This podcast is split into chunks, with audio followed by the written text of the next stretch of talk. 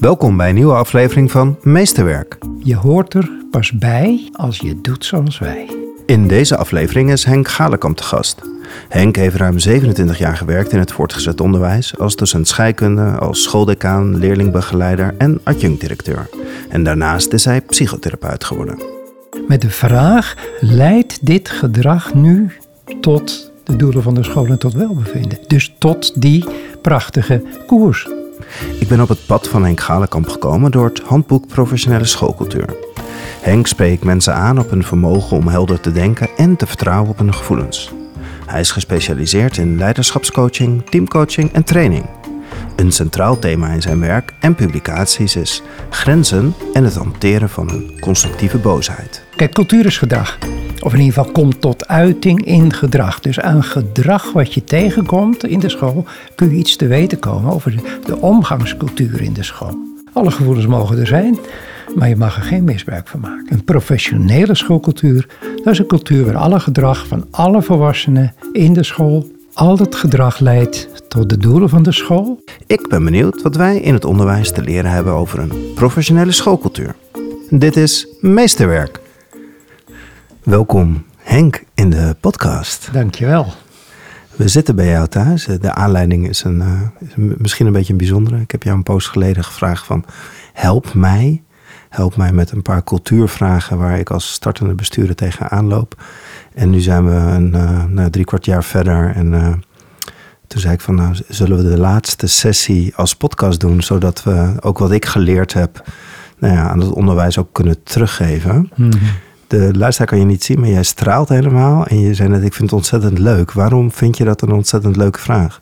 Ik, ik vond het een leuke vraag dat je zei, ik wil als, als afronding van een kort persoonlijk traject, persoonlijk professioneel traject, wil ik dit in de vorm van een podcast doen. Ja, dat vond ik zo'n leuke manier van, om een traject af te ronden. Ja. Ja, de, de aanleiding is, ik werk in een klein bestuur. We moeten zorgvuldig met onze tijd omgaan. Dus als ik dat ook nog weer kan doorgeven aan anderen, ja. dan is dat een leuk cadeautje weer aan de wereld. Ja. Henk, wie ben je? Oeh, ik kan op een aantal, uh, aantal manieren antwoord geven op deze vraag. Ik ben, uh, ik ben Henk, Henk Galenkamp. Qua loopbaan heb ik een rare move gemaakt ooit. Ik ben chemicus. Ik heb in een laboratorium gewerkt, dat vond ik niet leuk. Ik denk, zo wil ik mijn leven niet leiden. ik wil met mensen werken, dus ik ben in het onderwijs gegaan en dat is een gouden greep geweest. Ik ben leraar scheikunde geworden op een HAVO-VWO-school. Ik ben al vrij jong gevraagd om schooldecaan te worden, omdat de schoolleiding, ik hoor het ze nog zeggen, in de gaten had dat ik de leerlingen belangrijker vond dan scheikunde. Nou, dat was ook zo. Ik werd schooldecaan, dat heb ik jaren gedaan naast mijn uh, lesgevende praktijk. Van daaruit ben ik algemeen leerlingbegeleider geworden. Ik ontdekte dat er leerlingen niet tot pakket of beroepskeuze kwamen, dat er vaak een persoonlijk issue onder zat. En daar ben ik steeds meer op ingegaan. Uiteindelijk is daar ook een um, therapiepraktijk uit ontstaan. Ik heb een aantal opleidingen gedaan. Dus ik ben naast uh, docent scheikunde en later conrector op mijn school, ben ik uh, psychotherapeut geworden. Ik heb een huisarts met een huisarts samen een uh, therapiepraktijk opgericht. En daar heb ik 17 jaar mee samengewerkt en daar heb ik verschrikkelijk veel geleerd over hoe mensen in elkaar zitten. En van waar ze doen wat ze doen. Ja, en met die bagage ben ik ook consultant en trainer en coach geworden later. En heb ik ook met mijn echtgenote samen, Jeanette Schut, een eigen bedrijf op het gebied van training, coaching in het onderwijs opgericht. Ja, daar zijn veel publicaties en ook boeken. Er ligt Ja. er eentje tussen ons in. Ja. Een boek van de professionele schoolcultuur. Wat ik bijzonder vind aan, aan jouw verhaal, en, en, en je geeft er geen jaartallen aan. Maar je bent heel lang op die school betrokken geweest. Een school hier in Amsterdam-Noord, HAVO-VWO zei je. Ja, Damstede. Kan jij vertellen waarom jij al die jaren daar bent blijven werken... en ook hoe jij je zo betrokken hebt weten te houden? Ja, daar zitten twee kanten aan. Die school was voor mij een warm bad. Dat hield mij daar ook langer dan goed voor mij was. Ehm, mijn ontwikkeling stagneerde ook. Mijn persoonlijk professionele ontwikkeling stagneerde daar. Ik heb vele keren, nee, is niet veel, een aantal keren geprobeerd om weg te gaan, wat anders te gaan doen. En op een of andere manier mislukte dat. Bijvoorbeeld doordat een visitekaartje uh, van een consultant die zei: hey, neem eens contact op, gewoon in mijn, uh, broekzak was blijven zitten. En die was in de was geraakt. Op een of andere manier kwam ik daar niet weg. Tot het moment dat ik een organisatieopstelling deed rond die vraag: wat maakt toch dat ik niet wegkom op de school waar ik nu al 27 jaar werk?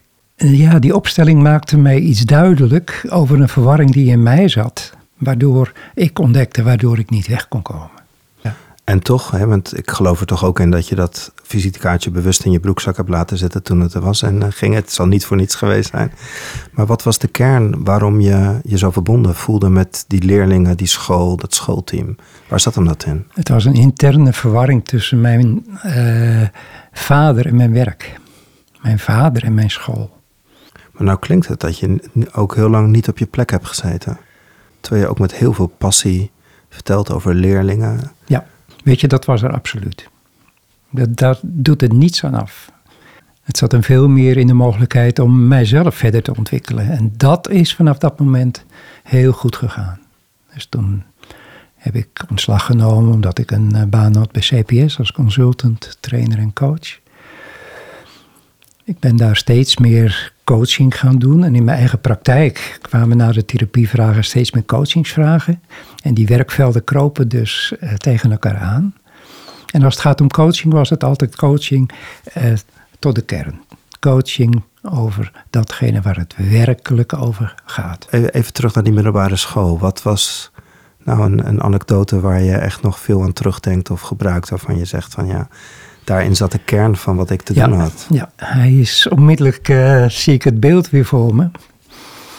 Ik denk dat het een paar jaar voordat ik daar ontslag nam gebeurd is dat een leerling, uh, 5 VWO, het lef had om te zeggen: Meneer, ik snap het niet.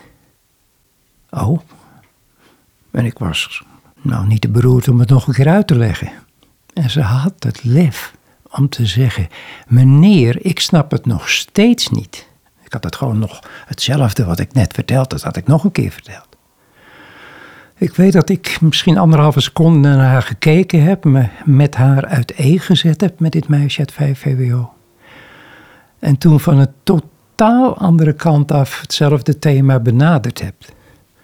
En haar antwoord was: Oh, is het zo makkelijk? Had het dan meteen gezegd.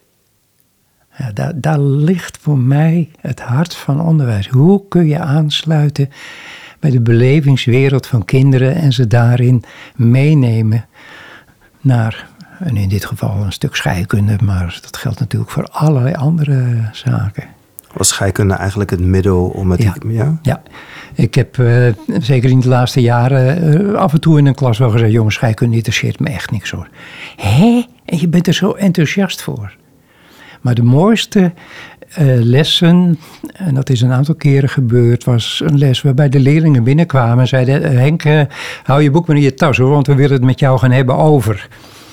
En dan kwamen er de grote levensthema's. En dan ging het over vrijheid, of het ging over opvoeden, over het leraarschap en wat maakt een leraar tot een goede leraar. Het ging ook wel eens over zwa zwarte gaten in het heelal.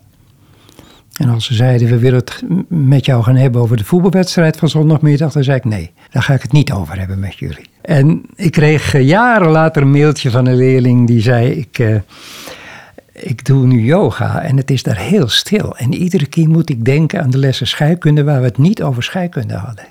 Marcel van Herpen die heeft het boek geschreven, als leraar moet je voor je reunie werken. Hè? Voor dit, hè? ja, want wat wordt er herinnerd? Die scheikunde ja. uitleggen of dat moment. Nee, ja. dat is belangrijk. Je hebt in volgens mij 2009 een boek geschreven uh, met de titel Wat drijf je? Wat heeft jou gedreven? Want je bent leraar geweest lange tijd. Je hebt uh, als consultant, uh, je, je, hebt ook in raden van toezicht gezeten. Je hebt een heel breed perspectief op het onderwijs. Ja. Wat heeft jou altijd gedreven? En, en misschien wel de onderliggende vraag. Wat is jouw pedagogische opdracht? Ik zie het werk wat ik al die uh, bijna 50 jaar nu gedaan heb, steeds in het licht van ja, iets meegeven aan de uh, toekomstige leiders van deze organisatie, van deze uh, niet-organisatie, deze samenleving.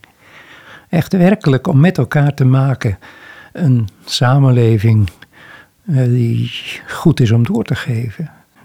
Dat is heel diep down steeds een opdracht geweest die ik wel gevoeld heb. En als ik daar langer bij stilstond, bijvoorbeeld in supervisie of in een, uh, het maken van een, uh, een, persoonlijk jaarplan voor mezelf, kwam dat steeds bovendrijven. Wat geven we mee aan de toekomst, ja, aan de leerlingen voor hun toekomst en voor onze toekomst, voor de toekomst van deze mensheid? Dat, dat is deep down een belangrijke drijfveer. Als samenleving, dat, dat is steeds ook je kompas geweest. Ja, en daarin was scheikunde een leuk middel om uh, met leerlingen in contact te komen en over wezenlijke dingen pra te praten. Ja. Je hebt de omslag ook gemaakt om, te, om bezig te zijn met de schoolcultuur. Ja. Hoe is dat eigenlijk gekomen, dat je daarin bent... Uh, ja. Ja, dat is van dus scheikunde naar cultuur is natuurlijk wel een enorme brug die je overgelopen hebt. Het begon met het boekje van Alex van Emst. En dat is een boekje uit de negentiger jaren. Die beschreef drie soorten cultuur, schoolcultuur. Hij had het over een ambtelijke cultuur. Dan ging het over stukken en notulen en punten en komma's. Hij eh, beschreef de politieke cultuur. Daar ging het over macht en uh, bondjes en wandelgangenpraat en uh, al dat soort fenomenen. En hij beschreef een professionele cultuur. En dan ging het over precies datgene waar het het onderwijs over moet gaan. Dan ging het over het realiseren van waar je voor bij elkaar gekomen bent tussen die vier muren van de school. Dat heeft mij aan het denken gezet. Ik ben ook met dat boekje wel aan het werk gegaan in de tijd dat ik conrector was.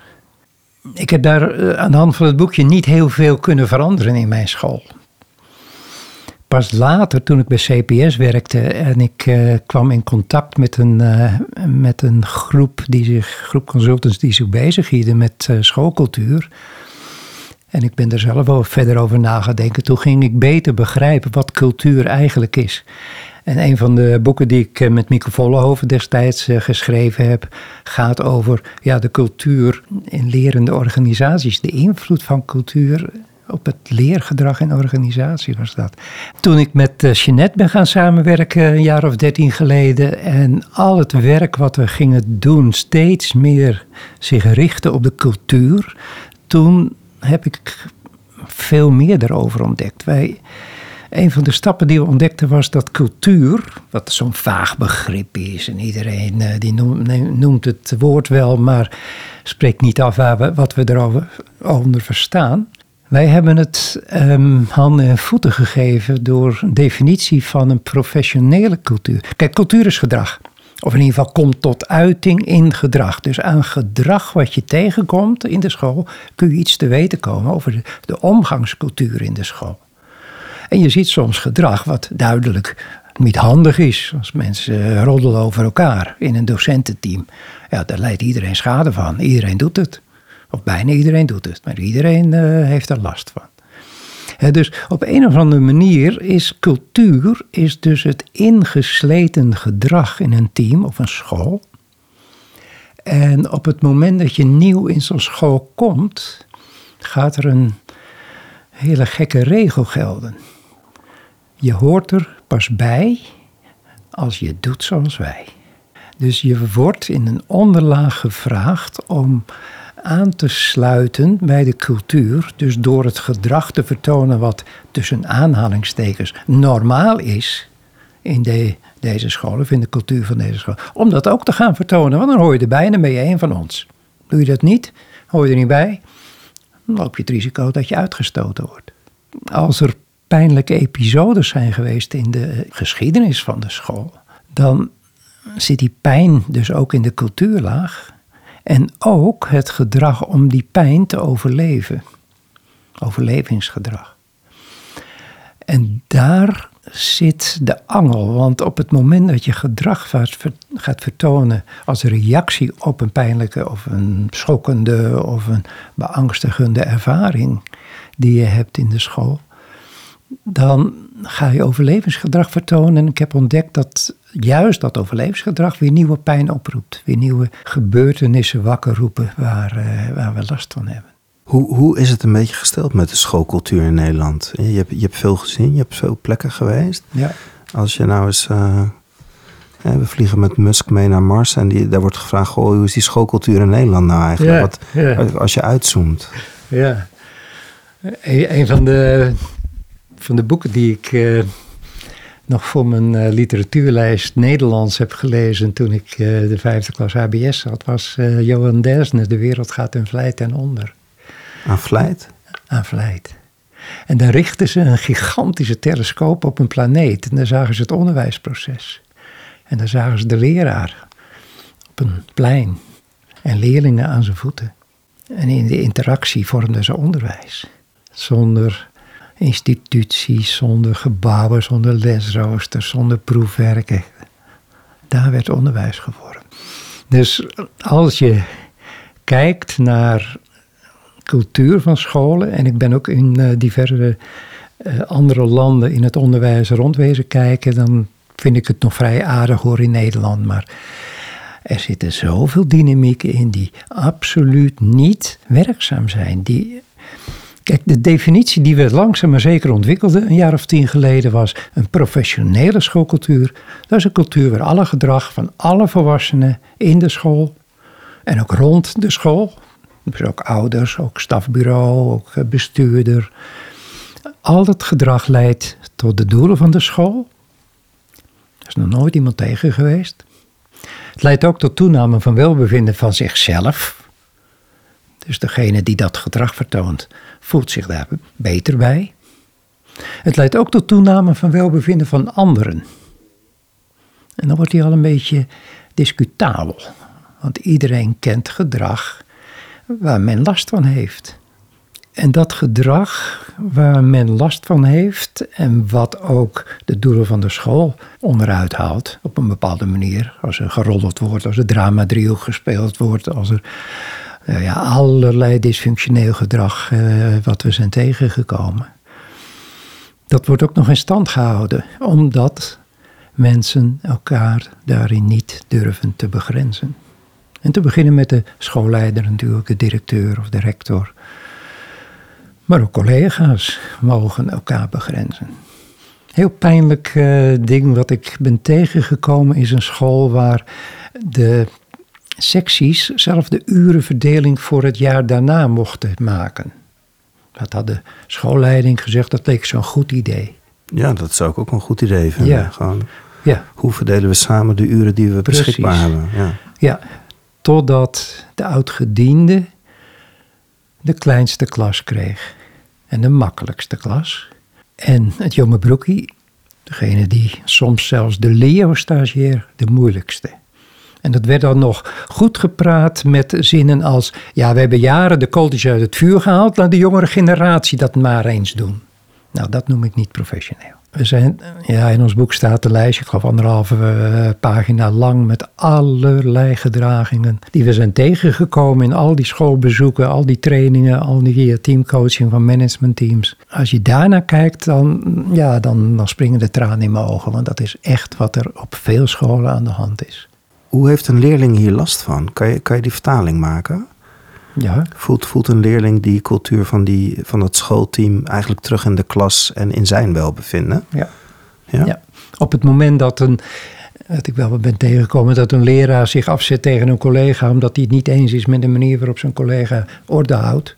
Ik noem maar wat. En Dan dat- vallen ze elkaar af. Ja, dan vallen ze elkaar af. Dan ehm, vormt die ene leraar een bondje met de klas tegen die derde leraar, of die tweede leraar. Nou, dat krijgt hij weer voor zijn kiezen. Ik ben dat veel tegengekomen. En dat ging, eh, dat ging eh, in die tijd dat ik, eh, dat ik op school werkte, ging dat natuurlijk mm, mm, over jassen. En toen nog walkmans in de klas. Begrenzen is een belangrijk woord. Ja, eh, toen wij eh, deze drie regels formuleerden, hè, dus professioneel is alle gedrag wat leidt tot de doelen van de school en tot welbevinden van jezelf en de ander. Ja, toen kwam natuurlijk al heel snel de vraag op, en wat doe je dan? Als schoolleider, als collega, als consultant, wat doe je met gedrag wat aantoonbaar afbreuk doet aan die drie criteria? Ja, toen zei dat moet begrensd worden, dat moet stoppen. Dat moet de school uit. Niet, niet de persoon moet de school uit, hoor me goed. Nee, het gedrag. En als jij dit gedrag vertoont, dan heb je dus wat te doen. Want het gedrag is niet acceptabel. En hoe doe je dat nou in verbinding met elkaar, zodat we ook en door kunnen met elkaar, maar dat het ook begrenst. Hè? Dus Ja. de leerkracht die elke dag te laat komt, eh, iedereen stoort zich eraan, er komen gesprekken over. Geef, geef ons de truc, eh, Henk. Nou ja, er is een term voor. Ja? Constructieve boosheid. Constructieve boosheid. Ja. Eh, boosheid is het gezonde gevoel wat een signaal is van een grensoverschrijding. Als iemand eh, jou een tik uitdeelt, dan word je boos. En terecht, want die gaat over je fysieke grens. Maar als iemand over je roddelt, gaat die over je psychologische grens. En word je ook boos. En dat is goed. Boosheid is niet gedrag. In onze samenleving hebben we het vaak over boosheid als gedrag. Nee, het is een gevoel. Iets wat van binnen voelbaar is. En heel veel mensen in onze samenleving hebben een taboe op boos. Nou hebben we een minister, daar moet ik meteen aan denken. Excuus ook dat ik je onderbreek, Henk. Die is boos, die slaat met deuren, die schreeuwt Die is bang. Dus boos gedrag is de vechtreactie die voortkomt uit onbewuste angst. En dat is de, ja, dat is de kern, denk ik, van eh, een van de lessen die ik geleerd heb.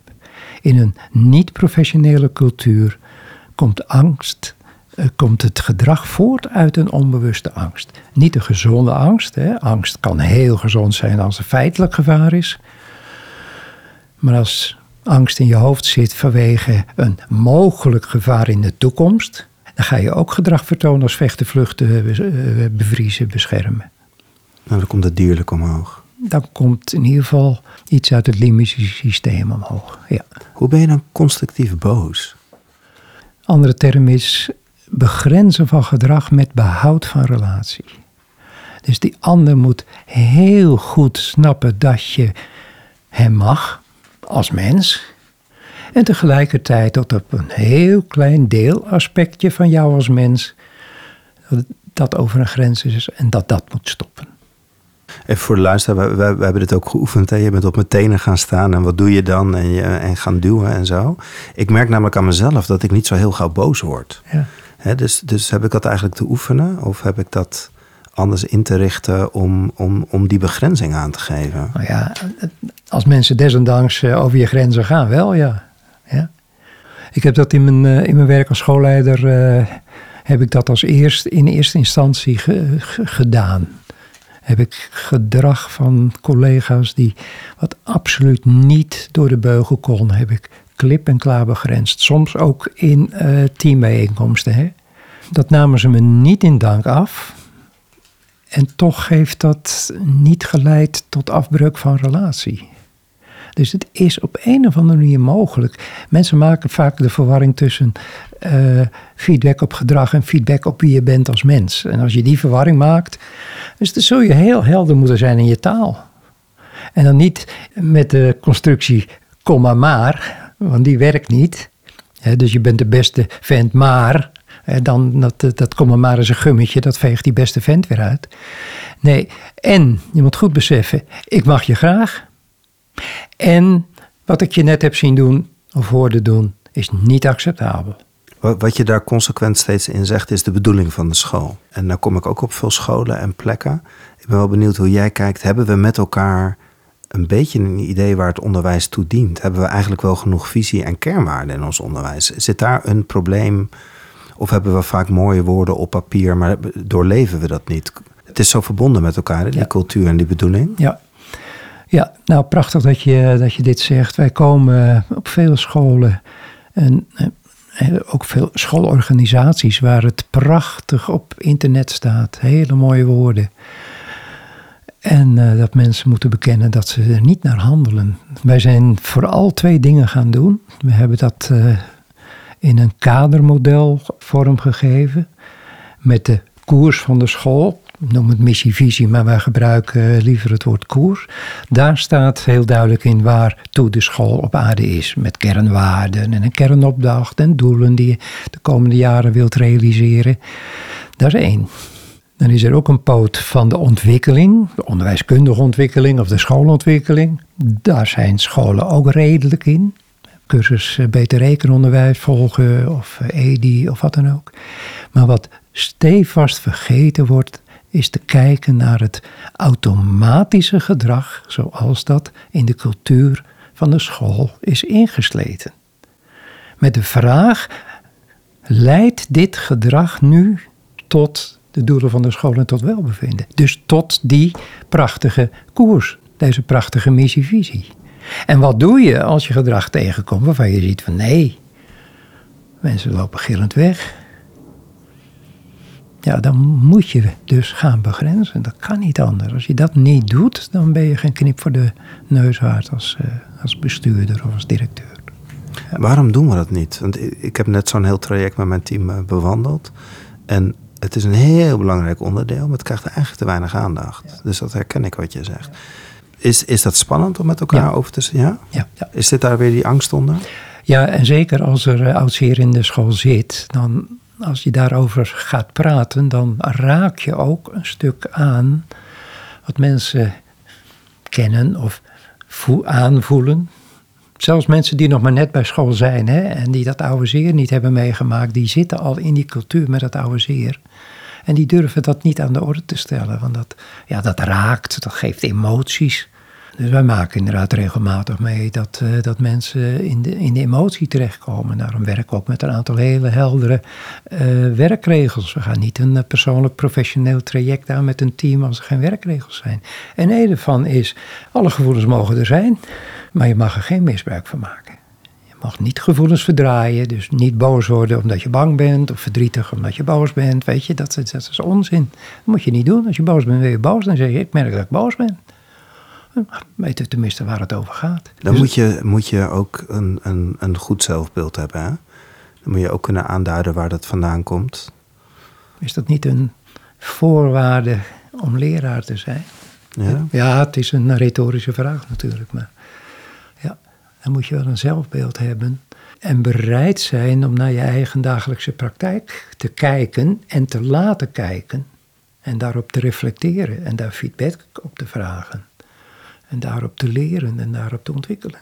Het is misschien nog wel veel essentiëler hoe je het met elkaar doet dan wat je met elkaar beoogt. Laat ik gewoon heel eerlijk zijn. Ik heb alle fouten gemaakt die er te maken zijn. Hè. Als corrector heb ik ook geprobeerd mijn docenten te motiveren om uh, goed les te geven en op tijd te komen enzovoort enzovoort. Nou, dat werkte voor geen meter. Want het, het was normaal dat deze docent te laat kwam. En dat was altijd gesanctioneerd. Hij kwam er iedere keer mee weg. Dat was een geschiedenis. En toen zei Henk, het is voor mij niet acceptabel. Wij vragen van onze leerlingen om op tijd te zijn. Ik vraag van jou om op tijd te zijn. Nou, dat is even schrikken.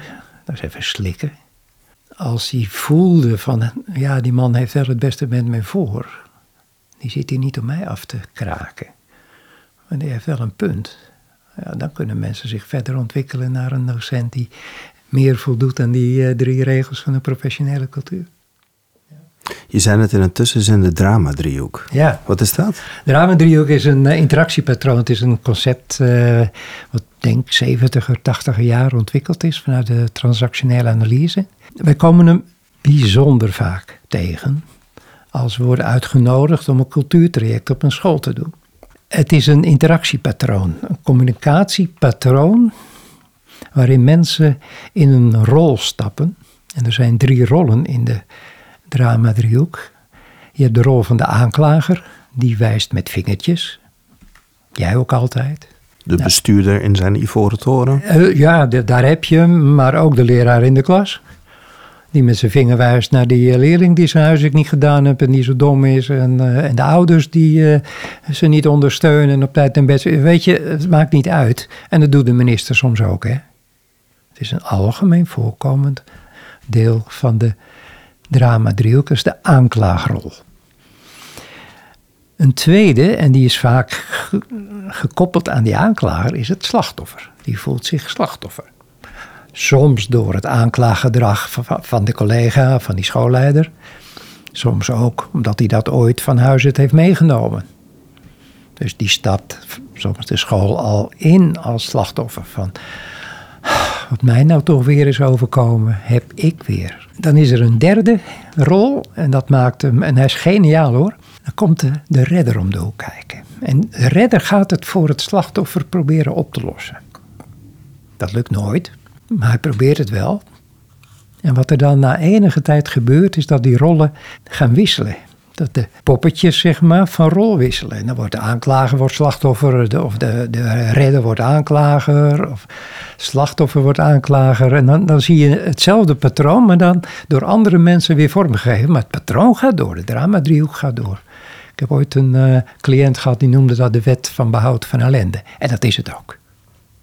Dus als je bewust wordt van hoe die speelt, heb je een belangrijk instrument om te wijzen op hoe wij het in de cultuur op deze school doen met elkaar. En veel mensen kennen de drama-driehoek wel als concept, maar weinig kennen de gezonde tegenhanger. En dat noemen we de winnaarsdriehoek. En die heeft de gezonde tegenhangers in zich. Dus de tegenhanger van de aanklager is degene die zijn grenzen aangeeft, de assertieve. En de tegenhanger van de slachtoffer is de kwetsbare, die zijn kwetsbaarheid toont aan de ander. En de derde, de tegenhanger van de redder, dat is degene die ondersteunt. Maar die pakt niet de autonomie af van die ander. En als je die weet vorm te geven, als je de switch weet te maken in een school van drama-driehoek naar, redders, uh, naar winnaarsdriehoek, dan, uh, ja, dan gebeurt er iets wezenlijks. En, uh, en wat zie je dan, Henk? Wat zie je dan gebeuren als die transitie... Dan gaan de mondhoeken omhoog. Dan gaan mensen plezier krijgen in hun werk. Dan worden ze actiever en proactiever. Dan gaan ze bezig met echte onderwijsontwikkeling dan gaat die, die regel hè, van, een, van een verbetercultuur gelden van alle dagen een beetje beter. Met elkaar. Komen ze dan ook dichter weer bij die bedoeling met elkaar, vanuit die kernwaarden? Ja, dan gaan de kernwaarden echt leven. Ik kom op veel scholen waar mensen elkaar bestrijden op kernwaarden. Hè? Ja, dat vind jij. Nou, ik sta er anders in. Nou, daar heb je hem al, hè. Dus als we een koerstraject uh, deden, dat, dat hebben we jaren gedaan ook in scholen waar men wel een heldere koers had, of kernwaarden op de website hadden staan, maar mensen nooit echt eerlijk en open met elkaar spraken over uh, de essentie, dus de kernwaarden en de kernopdracht, waartoe zijn wij op aarde, hè, maken maar zo breed dat mensen die veel met elkaar in de clinch lagen tijdens vergaderingen, ineens gingen merken dat ze eigenlijk op dezelfde manier in hun werk stonden. Dat ze dus hetzelfde beoogden. Dus dat de, de schotjes wegvielen en dat mensen samen gingen werken aan het realiseren van datgene wat er op die website staat in dat missie-visie-verhaal. En wat is nou de rol van de bestuurder of de rol van de schoolleider om om dit aan te gaan met elkaar? Wat kan die daar nou in doen? Dat, dat we nou ja, van drama-driehoek naar winnaarsdriehoek kunnen gaan. Dat we van het bestrijden van de kernwaarden uit kunnen gaan naar die kernwaarden. Wat is nou, hè, want volgens mij, ik, ik zit hier, hebben hier een wezenlijke rol in. Ja. Maar elke schoolleider, conrector. Ja. ja, elke docent. Elke docent. In de wat ja. kunnen... Ja, het begint met benoemen. En als er een gezamenlijk concept is gevonden wat drama-driehoek heet en winnaarsdriehoek. Dan kun je zeggen, hé hey jongens, dit is drama-driehoek. We zijn nu in de drama-driehoek beland, met elkaar. Dat wil ik niet. Dat moet stoppen. Ja, dat kun je doen.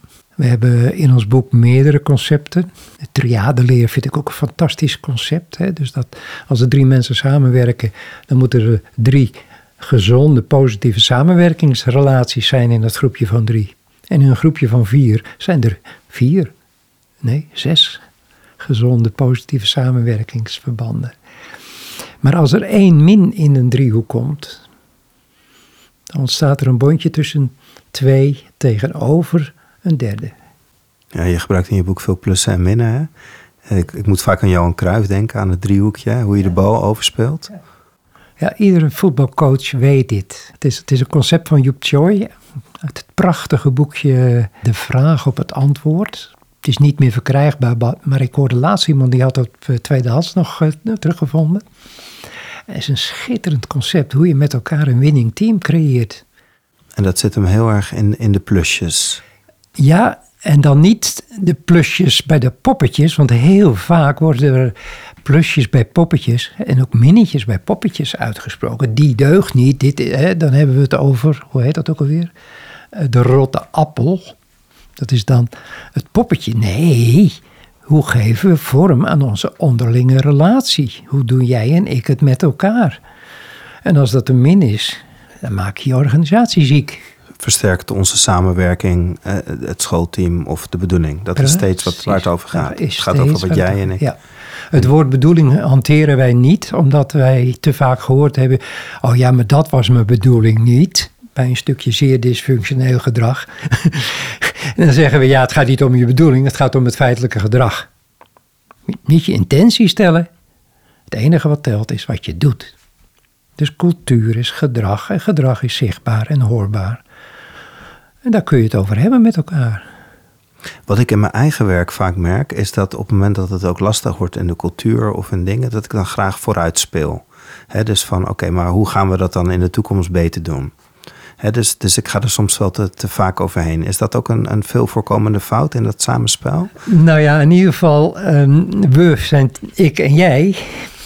Dus de vraag is, hoe ga ik dat beter doen? En hoe ga jij dat beter doen? En daar moet het gesprek over gaan.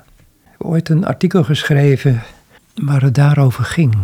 Wat we steeds doen is zeggen: jij doet het niet goed. Dat is die aanklagerrol van het drama-driehoek. En daarmee hou je het dysfunctionele gedrag van je, die andere in stand. En je vertoont op dat moment zelf ook dysfunctioneel gedrag. Maar we zien er alleen maar van die ander. En we kijken te weinig naar onszelf. Dus, dus, eh, dus hoe gaan wij het beter doen? Liever, wat ga ik doen wat goed is voor jou? En voor de doelen van de school. En wat ga jij doen wat goed is voor mij en voor de doelen van de school? Hoe komen wij samen verder in de ontwikkeling van deze school of dit onderwijs?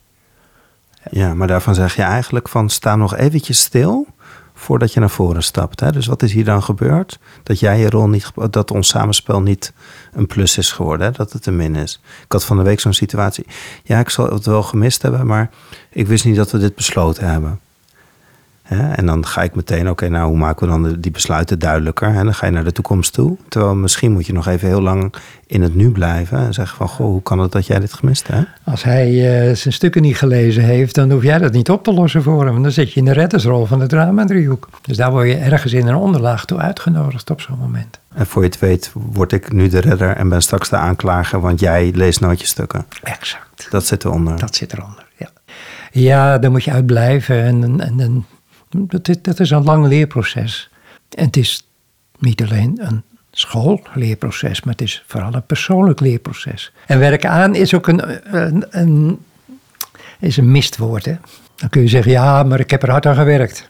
Nee, het gaat echt om doen. Het gaat echt om stappen te zetten, om het leerproces om te zetten in anders handelen. Om het echt te gaan doen. Nee, ik zit even te denken in relatie tot het, tot het ehm, lerarentekort. Wat je veel hoort is dat uh, scholen waar een, professionele cultuur is, daar willen mensen grager werken dan dat het er niet is. Dus de, het nodigt heel erg uit om nou ja, het samenspel, om gezien te worden, om professioneel aan de slag te gaan. Dus er ligt zo'n groot antwoord in dit belangrijke onderdeel, hè, die, die professionele schoolcultuur.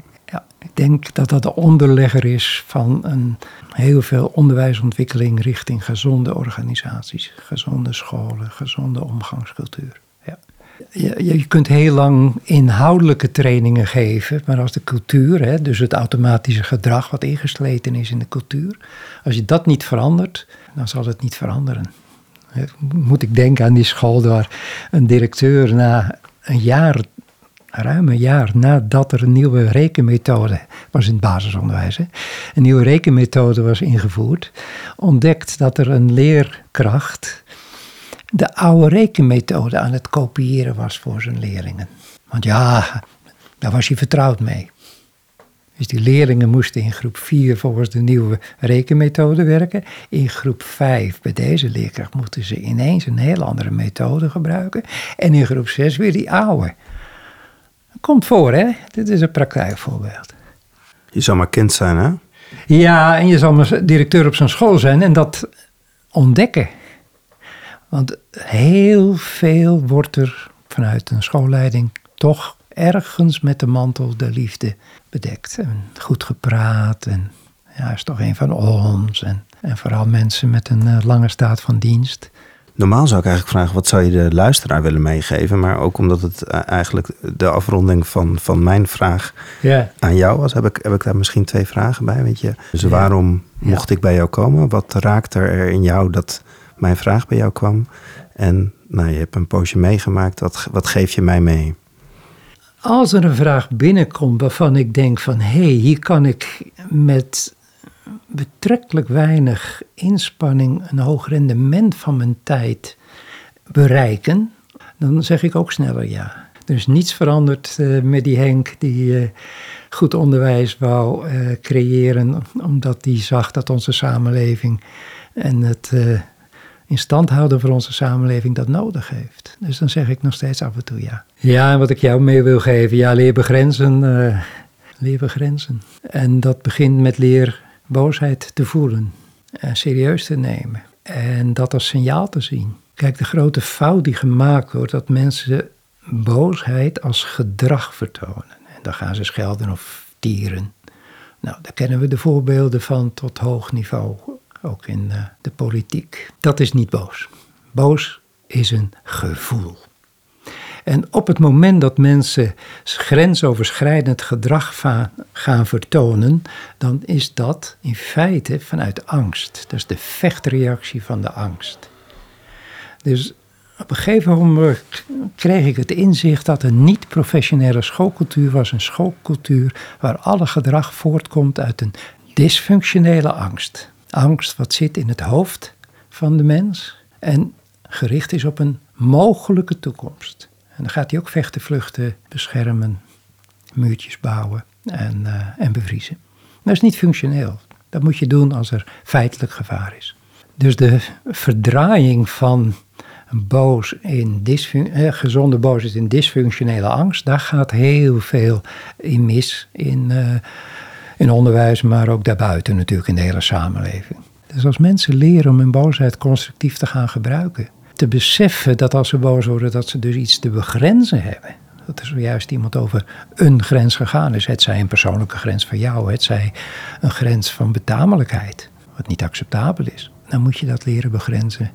En dan met behoud van relatie. Hey, en dan toch, wat wil je de luisteraar meegeven die, die hier naar luistert in de zin van, hé, hey, hier heb ik echt iets in te doen. Waar begin je, Henk? Bij jezelf. Dat is de enige plek waar je kunt beginnen. En pas als je bij jezelf een aantal dingen hebt opgemerkt, dan kun je het ook op een gezonde manier bij anderen eh, gaan opmerken. En dan vind je ook de taal om dat op een constructieve wijze aan de orde te stellen. Dus eh, als je het boek leest en echt aan het werk gaat, echt gaat toepassen, dan kom je al heel ver. Ja. Eh, dat is wat ik in ieder geval, dat was de missie van ons boek. En ik, ik hoop dat, dat er meer mensen zijn die, ja, die daarin duiken en ook bereid zijn om dan vooral naar hun eigen stukje te kijken. Wetend dat je altijd een onderdeel bent van de cultuur waar je in bevindt. En dat je altijd gevraagd wordt om die cultuur te bestendigen. Terwijl de dieperliggende vraag is om de cultuur gezonder te maken, te veranderen in de richting van een professionele cultuur. Wat ik van jou gezien heb, is dat je daar mooie stappen in gezet hebt. eh. Ja. Nou ja, ja. Ja, nou Henk, dankjewel voor dat je dit met me wilde delen. Dank voor je boek en dank voor dit, eh, dit gesprek. Heel graag gedaan. Ja. Meer podcastafleveringen van Meesterwerk zijn te beluisteren via Spotify, iTunes, Soundcloud of kijk op janjapubeek.nl.